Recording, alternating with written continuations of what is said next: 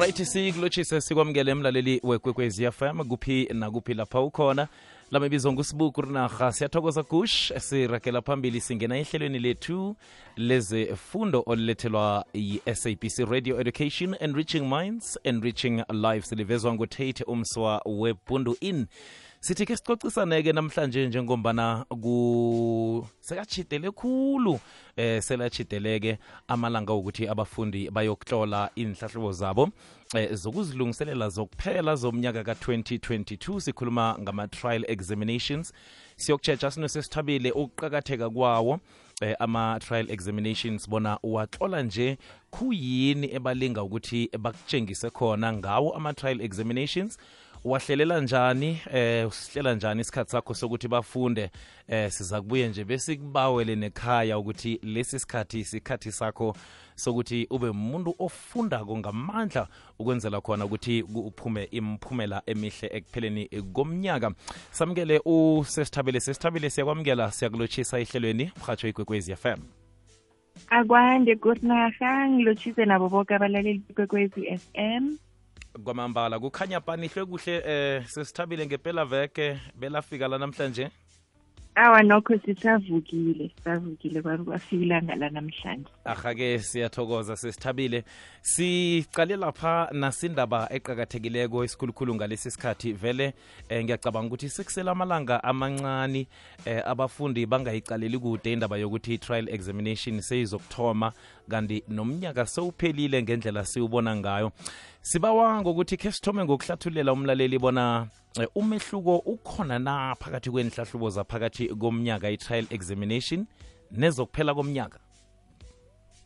Eh umehluko wona ukhona phakathi kwe-trial exam namkha kwesinye isikhathi bane bayibize ngokuthi preliminary exam eh kanye ne-final exam. Ngenxa yokuthi-ke eh ama-trial exam lana-ke ngenxa yokuthi-ke ama-marks wama-grade 12 wethu-ke la eSewula Afrika esikhathini esinengivane sinasichazako indaba linavane sithi kusetshenziswa ama-continuous assessments so kusho ukuthi-ke enyakeni-ke lo umfundi enza ngawo ugrade 12 wakhe-ke kuba nama-test namkha nama-exams ngokuhlukahlukana kwawo-ke Mhm. em lawo-ke eh, azokubalwa umfundi nakazokuthola i-final mark yakhe esiyibiza ngokuthi yi-SBA Mhm. so i-continuous assessment lena-ke nasiyibalaka kiyo-ke eh i-trial exam namkha i-preliminary exam le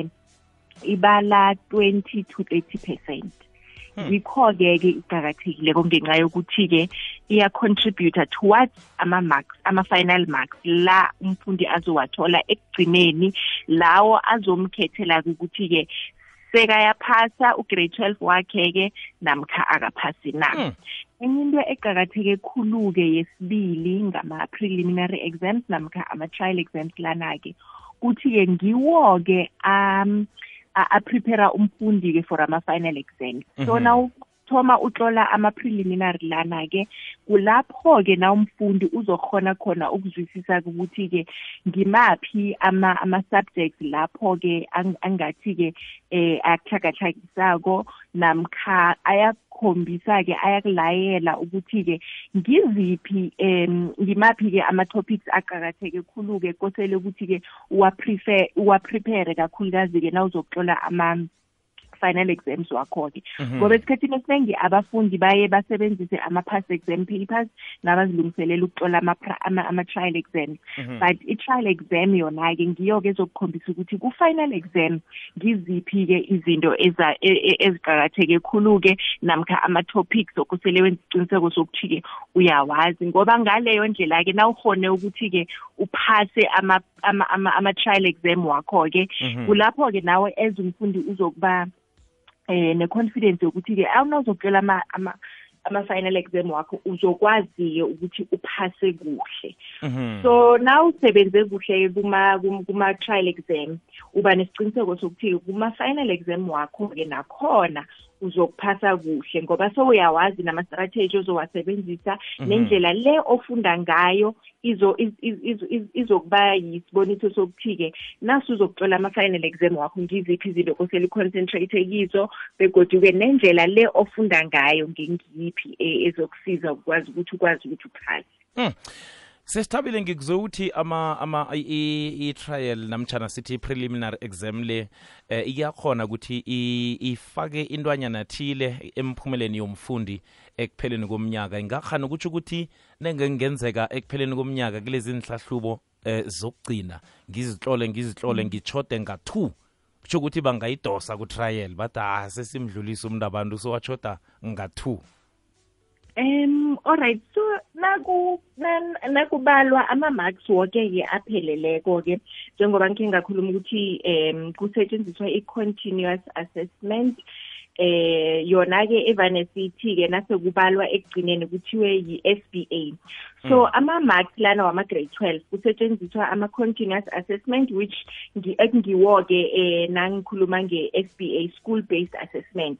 Bese-ke kuba yi-final exam ijame ngokunjalo-ke so mhlambe nababonaka ukuthi-ke eh a- aba- abasebenzisi indaba yokuthi mhlambe umfundi oyi-one ushoda nga-two Mm. baqala i-region yonke ukuthi kwenzakalani abafundi baphase bunjani bese-ke baphinde baqale mhlambe ku-province yonke ukuthi kwenzakalani so mhlambe abafundi nangabe bashode nga-two marks eh namkha nga-three marks or four marks vane kungasikuthi-ke mhlambe basiza umfundi oyi-one bazama ukuthi-ke mhlambe nationally on a national level ba-achieve ama-percentage athile. So vane babuyele be- begoduke njengoba wazi ukuthi inkolo zethu eh zihlukahlukene bazibiza eh ngama-percentile one two three baqala nezinto ezifana nalezo. Ukuthi isikolo sisendaweni enjani baqale nokuthi-ke mhlambe regionally ama-students wakuleso sikolo aperforme bunjani. Bese-ke khani-ke bangathoma bathi-ke alright asitshentshe ama-percentage ukuze senze isiqiniseko sokuthi-ke i-percentage ethize yabafundi Mm. izokhona ukuthi iphase. Kwamambala sisithabile ngiba ubona sijike ngapha msinyazana nasibuyako sizokuragela phambili. Samukele nomlaleli wekwekwezi fm lapha ku-079 413 nayikhibe unomfakela onawo namtshana unombuzo kwelapha usesithabile njengoba na abafundi bazilungiselela nje ukuthi bazokutlola vele engasikade bayokuthoma ukuhlola inhlahlubo zabo eh, zokuzilungiselela zokuphela i-trial examination. Sesithabile nasibuya ngale ngiba siyokucala-ke eh ukuthi ngehlangothini lawo ama-trial examinations la athoma nini bayokuthoma nini abafundi? Omunye mhlambe akazi ukuthi kuyokuthonywa nini bayokuthoma nini ukufunda begodu eh ayokuphela nini? Ngakhani mhlambe kuyafana neminyakeni ogadungileko namtshana kilumnyaka kunomehluko okhona na? Ngiba ngibambele njalo nasibuyako siyiragela phambili kulungile. Aha. Ikulumo ithi isitshaba esingatlhogomeli ilutjha asinalo ingomuso. Ngikho kukwekwezi fm sikulethela amahlelo wakho muntu osakhulako. Ngomgqibelo state your mind. Zikhulumele nosimpida p usimpiwe ndaba ngesimbi yethoba ngesimbi yeshumi nambili hlangana noluket usimanga mahlangu kuteen zone. Sibatsha begodu sibahle. Ngena emoyeni nicoce ngezinto ezinithindako njengabantu abatsha nabasakhulako. Umkhanyo ukhona. Kukhanya ba. Lalela ihlelo olithandako ngepodcast ngesikhathi sakho ku-ikwekwecfm co za kukhanya ba. Wathinta abafazi wathinta imbokotho. Siqubulo somtshakalo owenziwa ngokuthula kodwana umphumela wawo waletha amajuguluko kibo boke abomma benarheni yekhethu. Namhlanje si-ithima lango-1956 ligidingwa ukuthabela ukukhumbuzana ngendaba ezithinta abantu bengubo ekhethwa phane afrika abomma abasakandelelekile ngokwamalungelo ngamathuba ngemisebenzi ukusahlelwa nokubulawa. Isewula afrika njengephasi lonke iqale ukubuchukulula ubujamo bokungakafiki u-2030 hashtag phakama mma. Ngena emahlelweni ngokuthumela iphimbo lakho ngewhatsapp ku-079 413 0172 ikwekwezi kukhanya ba phambili emhathweni ikwekwezi fm singaphakathi kwehlelo lezefundo olulethelwa yi-sabc radio education and reaching minds enriching lives sitshetshela lapha-ke ukuqakatheka kwayo lapha i-trial examination eh ukuthi iqakatheke kangangani? Zikhona ezinye indlela eh sesithabile. Omunye mhlawumnye angayicala ngamehlo wokuthi eh i-trial examination kuhle kuhle iyang inento engivezela yona ngemphumela yokuphela komnyaka. Eh pheze ngaphambilini eh uyibalile indaba enjengaleyo. Athoma nini sesithabile ama-trial examinations lebekaphele nini? Um nangi-check-a la kuwebsite ye-department of basic education ingikhombisa ukuthi-ke ngoMay nangoJune bengitho-ke isikhathi-ke sama-trial examinations.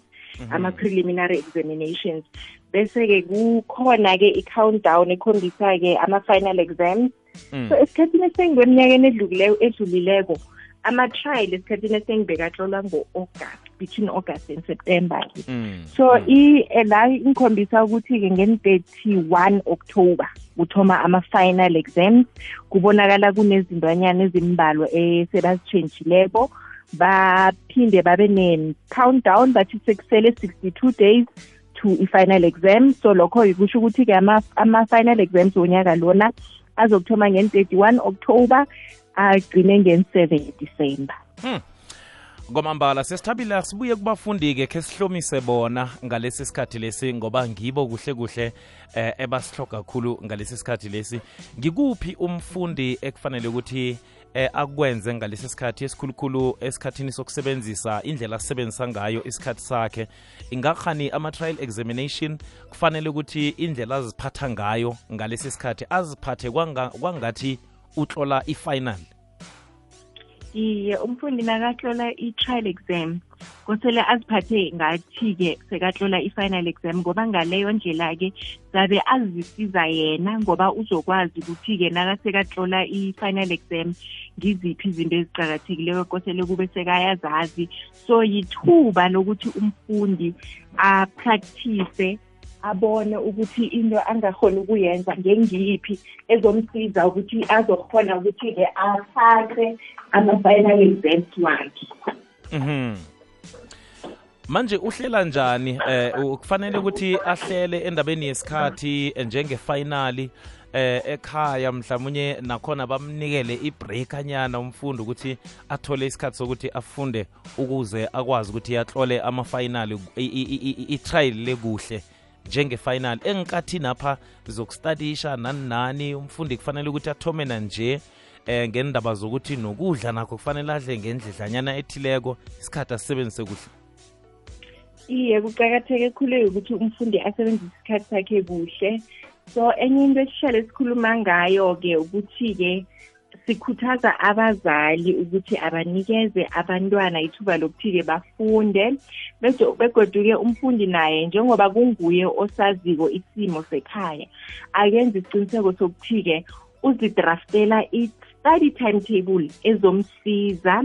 So nangabe uyazi ukuthi mhlambe ekhaya kukhona abantwana abancane um angekho akhona ukuthi-ke afunde kuhle-ke nabakhona mhlambe after school nababuyako kuyagcwala ekhaya baningi. Akenze isiqiniseko sokuthi-ke mhlambe usebenzisa isikhathi sakhe lesi semini ukuthi aphumule begoduke enze neminye imisebenzi ekosele ayenze ekhaya.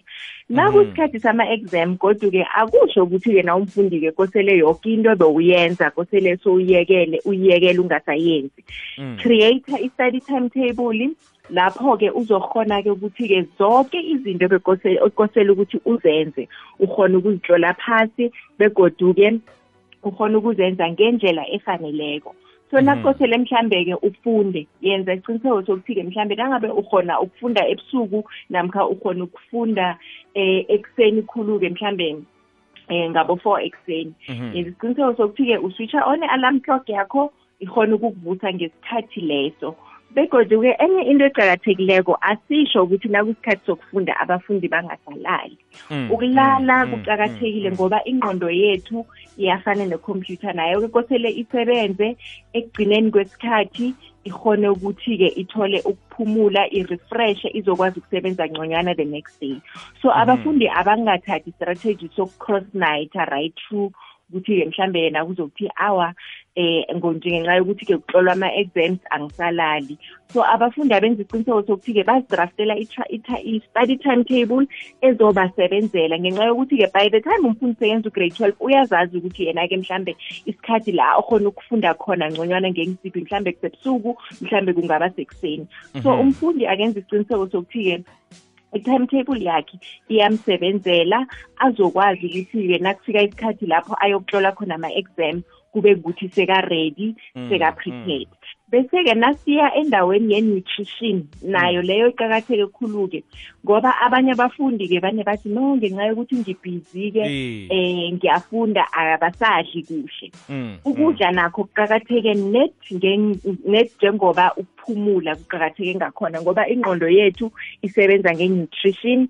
Eh abafundi abenza isiqiniseko sokuthi-ke bas- basela amanzi two liters ngelanga nawukhona ukusela more than two liters ebile kuba ngconywana ngoba umzimba wethu uyadinga ukuthi-ke si- sisele amanzi.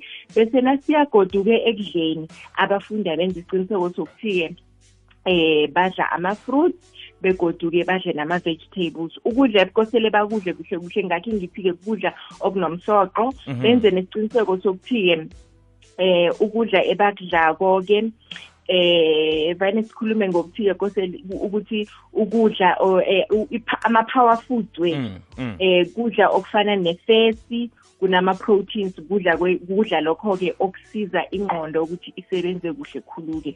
So um i-fish ngiyo-ke esikhathini esiningi vane ibalwe ukuthi-ke isiza eh ngokusebenza kwengqondo kungconywana mm, mm, so abafundi mm, abenza isiqiniseko sokuthi-ke ngesikhathi esi- ngesikhathi lesi-ke sokuhlola ama-exam badla kuhle begodwa kwesingakhuthaza nabazali nabo ukuthi abenze isiqiniseko ngoba esikhathini samanje abafundi laba batlola ugrade twelve. Esikhathini esengabahona ukuthi-ke mhlambe kube ngibo eh ababhala i-grocery list ekhaya so abazali nabo ababe sisekelo esihle kubo kubantwana babo. Babathengele ukudla oku-right babathengele ukudla okunomsoqo begodu-ke babasekele ekufundeni kwakho. Yazi kuyasiza sometimes nawazi ukuthi umzali wakho uyakusekela begodu-ke uzimisele naye ngokuthi-ke awuphumelele emfundweni zakho zesikolo. So into efana naleyo siyayikhuthaza nayo kakhulukazi-ke abazali ngokuhlukahlukana kwabo ngoba lokhu akadeke abazali bebangayizwisisi indaba okufunda le but abazali banje Mm. ngiyakholwa ukuthi sebayazwisisa ukuthi kuqakatheke kangangani ukuthi-ke abantwana bakhona ukufunda begodi bazokhona ukuphumelela ngoba ama-matric results lana-ke Mm, ngiwo mm, mm. azokuvula iminyango yonke yabafundi after grade 12 ngiwo-ke azokudecide ukuthi umfundi uqualifya ukuya ku-tvet college namkha uqualifya ukuya ku-university of technology namkha uqualifya ukuya ku-university kwamambala kuqakatheka kwawo lapha ama-trial exam la azokuhlolwa eh uyabala usisithabile ukuthi kuqakatheke ngenye indlela erarileko eh pheze alikusasa lakho nawo. Qinise kuqakathekile ukuthi kuba ababelethi ngemakhaya basekele abafundi ngalesi sikhathi. Sesithabile ngiba ukuthi siyokuthengisa nasibuyako khe sibuye phezu komfundi ozokuphundwa ma-trial examinations namtshana ongekhe awatlole ama-trial examinations bona ubungozi balapho bukuphi? Ngiba ukuthi sithengise nasibuyako sizakhwela phezu kwayo. Lungile. Zwakele eh ungasithumela i-whatsapp voice note mlaleli ku-079 413 nayikhibe unombuzo kuye lapha-ke usesithabile namtshana-ke ube nomfakela 079 413 nalapha ku-086 112 0459 le ikwekwezi fm mlaleli ngekwekwezi fm abalaleli bangakuhlanganisa nenhlobo nomndeni owalahlekelana nawo. Thumela uthi asifunisane. Ku-email ethi info at ikwekwezfm co za udose umtato ehlelweni namkha uthumele iphimbo mgadangiso enomborweni zokubizwa mrhatshi wehlelo. Asifunisane. Ngosondo ngo-10 plus 8 ebusuku. Umkhanyo ukhona kukhanya ba landela ikwekwezi fm enkundleni zokuthintana ukubana ikwazi ikulandele nawe. Twitter at ikwekwezi underscore fm ngena emahlelweni ngokuthumela iphimbo lakho ngewhatsapp ku-079 413 2172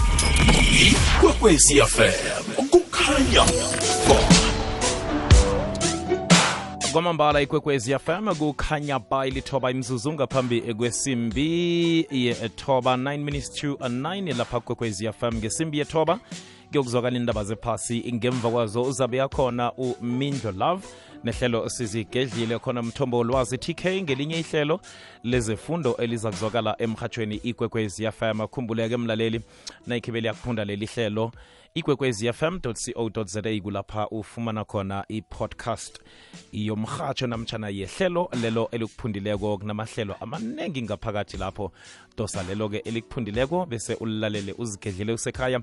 Sesithabile akhe siqale ubungozi bokuthi umfundi eh angazihloli inhlahlubo lezi esicoca ngazo namhlanje. Bukuphi ubungozi bakhona ubungozi-ke ukuthi-ke umfundi lona angekhe athole i-continuous assessment mark yakhe. So lokho kusho ukuthi-ke ama-marks wakhe angekhe abe phezulu ngendlela le bekosele ngabe abaphezulu ngakhona-ke so kukhona ithuba elenziwa i-department of basic education lokusiza umfundi mhlambe ongaba nenkinga yokuthi-ke angatloli i-trial exam yakhe-ke. But inama-conditions so umfundi lona-ke kosele abuyele esikoleni lapho afunda khona aripote ukuthi-ke akakatloli ama-exam Mm. begodi anikeze isizathu sokuthi eh kuze bunjani angakhoni ukutlola i-exam leyo so bafuna i-medical report mhlambe na uthe bowugula kosele ubanikeze i-medical certificate ebuya kudohotere wakho echazayo ukuthi-ke ngelangelo bowugula nangabe mhlambe kukhona eh ilunga lomndeni elishonileko mhlambe the day before or ngelanga lelo umfundi bekatlola ngalo i-exam nakhona-ke bazokufuna i-evidence. Kusele-ke ubanikeze i-evidence yokuthi-ke bekwenzakalani. Nanoma yini actually ngakhe ngithi-ke esinye nesinye isizathu umfundi kosele enza isiqiniseko sokuthi-ke uyakwazi ukusisekela lapho-ke i-department izokwenza-ke i-provision yokuthi-ke umfundi lona akhona ukutlola i-exam le angakayitloliko namkha nangabe ma-exams amabili namkha mathathu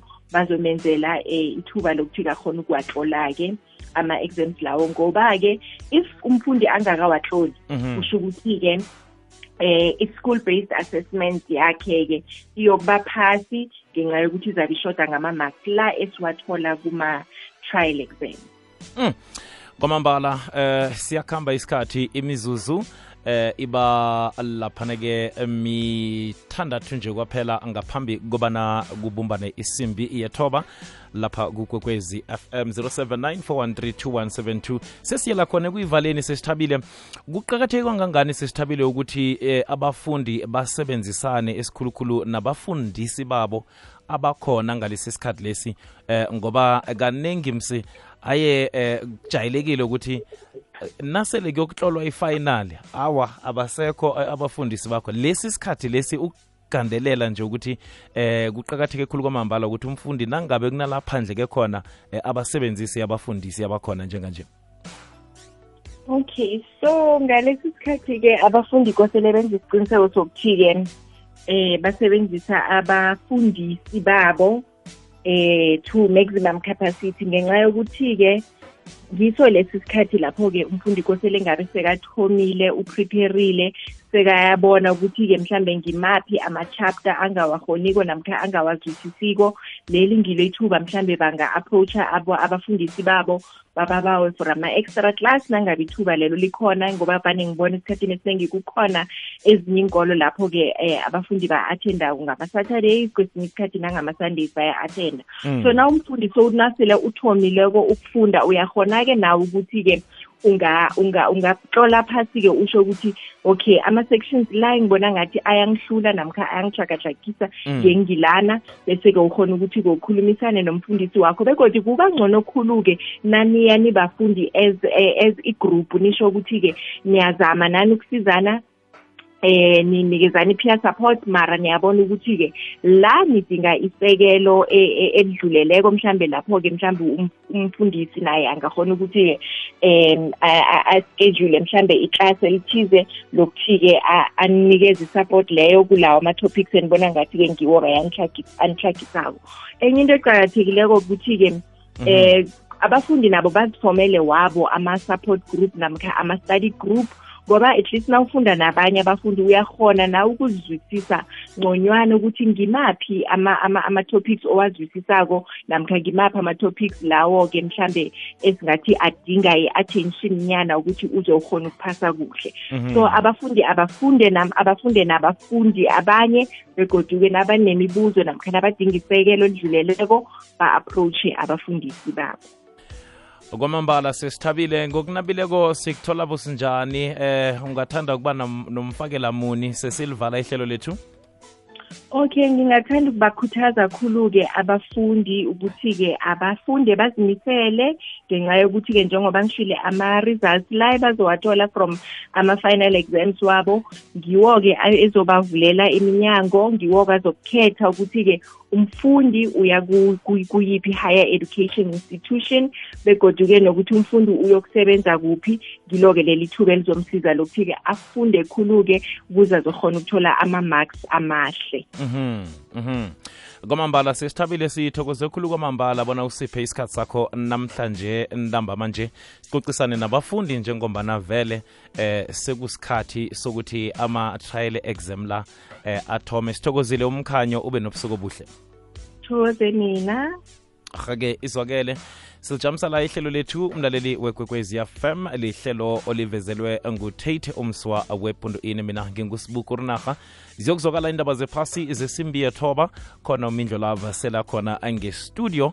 Kuzakuthi ngo-half past 9 nayo tk ngimbonile sele yakhona emhatshweni kwekwezi fm ngo-half past eh, 9 kokwakho uzabe asiphathele elinye ihlelo lezefundo olulethelwa mnyango wezefundo. Akhe ngithi olulethelwa yi-sabc radio education enriching minds enriching lives. Silijamisa la ube nobusuku obuhle